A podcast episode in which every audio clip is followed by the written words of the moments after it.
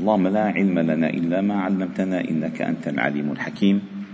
علمنا اللهم ما ينفعنا وانفعنا بما علمتنا وزدنا علما. واجعلنا ممن يستمعون القول فيتبعون أحسنه.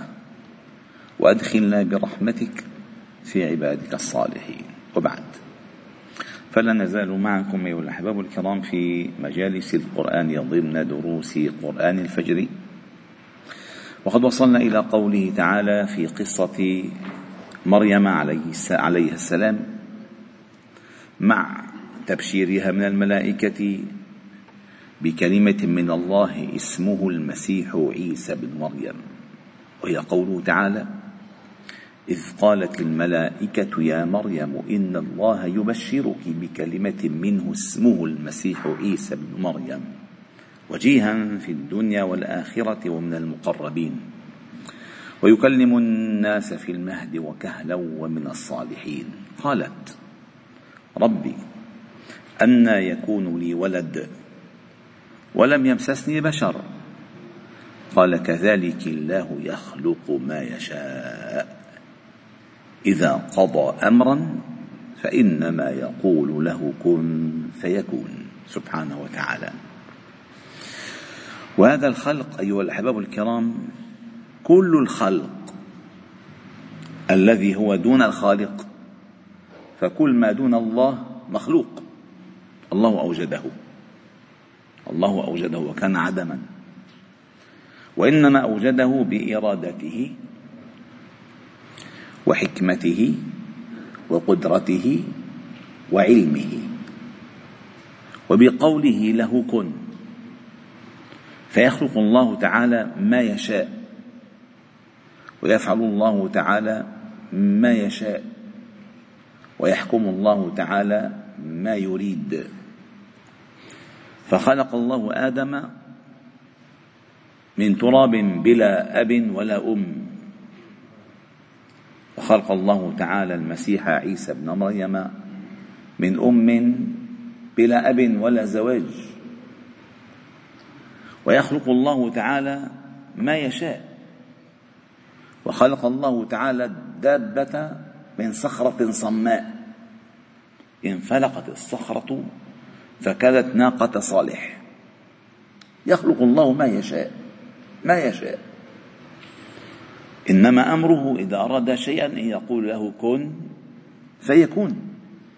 فالله جل جلاله هو الذي يجعل قوانين الخلق ويغيرها متى شاء بما شاء وكيف ما شاء.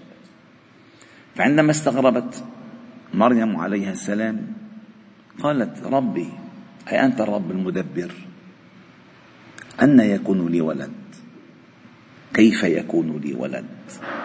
وقلنا أن هذه أن كما قالها زكريا عليه السلام عليه السلام قال رب أن يكون لي غلام وقد بلغني الكبر وامرأتي عاقر.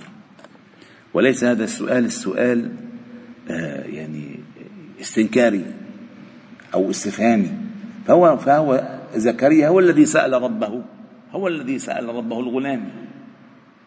قال رب هب لي من لدنك ذرية طيبة إنك سميع الدعاء.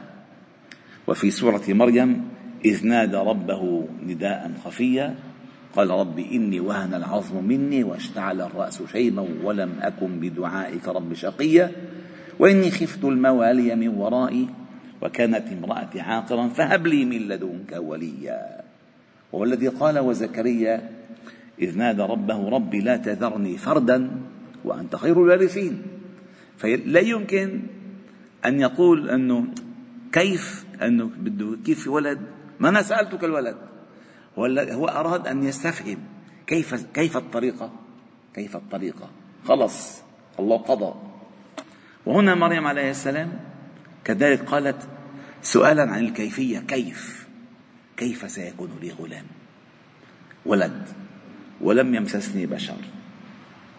وفي سورة مريم ولم أك بغيا لا يأتي الولد إلا بهذه الطريقة. قال كذلك قال ربك. كذلك قال ربك. فإنما أمره إذا أراد شيئا أن يقول كن يخلق الله ما يشاء. ويعلمه الكتاب والحكمة والتوراة والإنجيل. إذا مذ أن حملت امرأة عمران بمريم والله أعلم بما وضعت. يعني الله تعالى يعلم عندما حملت امرأة عمران بما في بطنها ونذرته لله محررا هو يعلم والله أعلم بما وضعت. هو أعلم بسير طريق هذا المحمول في بطن امرأة عمران سيف كيف سيكون؟ وكيف ستكون مسيرته؟ وهناك بهذه المسألة أسرار خطيرة خطيرة جدا. فإن النصارى النصارى أحق الناس أن يعبدوا الله تعالى مخلصين له الدين حنفاء أحق ولكن ما في عقل ما في فهم. كل مسيرة عيسى عليه السلام معجزة بمعجزة معجزة بمعجزة. منذ أن كانت مريم في بطن أمها وهناك معجزة. عندما تربت مريم في في المسجد. وكفلها زكريا رجل طعن به الكبر ولا يتهم ولا يدخل عليها إلا هو وهم يعلمون. فكيف يتهمونها وكيف يستغربون؟ وحجة من الله تعالى على اليهود لأن عيسى عليه السلام إنما أرسل إلى بني إسرائيل. وحجه كذلك على النصارى أنه لا ينبغي أن يعبدوه إنما ينبغي أن يعبدوا الله وحده ولا ينسبون له الولد. فقال ويعلمه الكتاب والحكمة والتوراة والإنجيل. وتعليم الكتاب هو تعليم مطلق الوحي والحكمة هو تعليمه كيف يبلغ الوحي كيف يبين للناس أمر الله. يبين للناس ما نزل اليهم هذا التبيين هو عين الحكمة. ومن يؤتى الحكمة فقد أوتي خيرا كثيرا. والتوراة التي أنزلت على موسى من قبل وكانت عليها بنو إسرائيل والإنجيل الذي فيه التوسعة على بني إسرائيل فيما ضيق عليهم من أحكام التوراة الشديدة. ثم قال ورسولا إلى بني إسرائيل. أي أنا المسيح عليه السلام. وهذا الكلام لمن؟ لمريم. هذا الكلام لمريم. غير لما جاءهم عيسى بالبينات قال اني رسول الله إليكم. الآن الملائكة والله تعالى يخاطب مريم. أن هذا الغلام الذي تحملينه سيكون رسولا إلى بني إسرائيل وسيكون من آه، آه، سيرة حياته كيت وكيت وكيت وكيت. يعلمه الكتاب والحكمة والتوراة والإنجيل ورسولا إلى بني إسرائيل. أني قد جئتكم بآية من ربكم. ما هي الآية؟ أني أخلق لكم من الطين. كهيئة الطير. فأنفخ فيه فيكون طيرا بإذن الله. كان يأتي بالطين بالطين.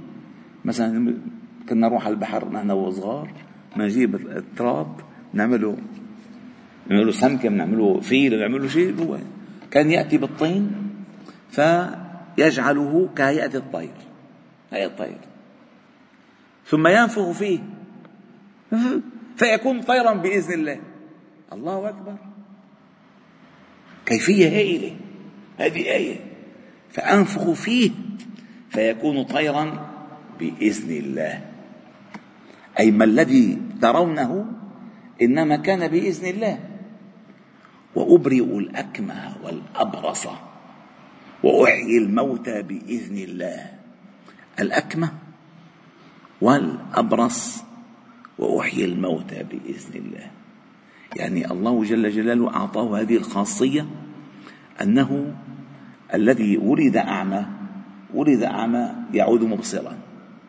حتى ورد أنه الذي ولد لا يتكلم يتكلم. الأبرص المتغير جلده يمسحه فيعود كما كان ويحيي الموتى بإذن الله. يعني امرأة بنت ماتت أتى أهلها بها إليه فمسح عليها فأحيا الله وأحيي الموتى بإذن الله. وأنبئكم بما تأكلون وما تدخرون في بيوتكم. أي سأخبركم عن أحوالكم المكنونة التي لا يعلم مكنوناتها إلا أنتم. سأخبركم أنكم ستأكلون كذا وكذا وأنكم تدخرون في خزاناتكم كذا وكذا. فلا يغيب عني شيء إنما يطلعني, يطلعني الله تعالى عليه. إن في ذلك لآية لكم إن كنتم مؤمنين. ومصدقا لما بين يدي من التوراة ولأحل لكم بعض الذي حرم عليكم. هذه بالتشريعات. وجئتكم بآية من ربكم فاتقوا الله وأطيعوني. إن الله ربي وربكم فاعبدوه. هذا صراط مستقيم.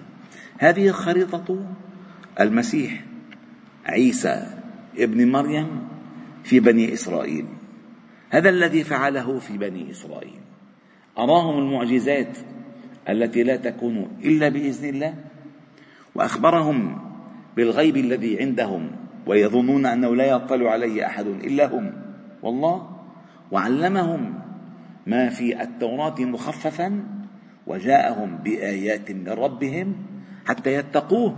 ويطيعوه أي يطيعوا المسيح عليه السلام. وأخبرهم الشعار الأكبر إن الله ربي وربكم فاعبدوه.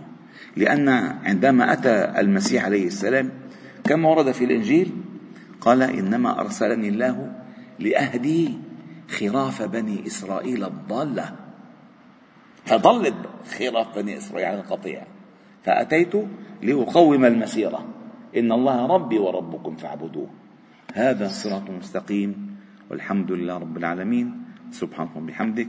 نشهد أن لا إله إلا أنت. نستغفرك ونتوب إليك. صل وسلم وبارك على محمد وعلى آله وأصحابه أجمعين. الحمد لله رب العالمين.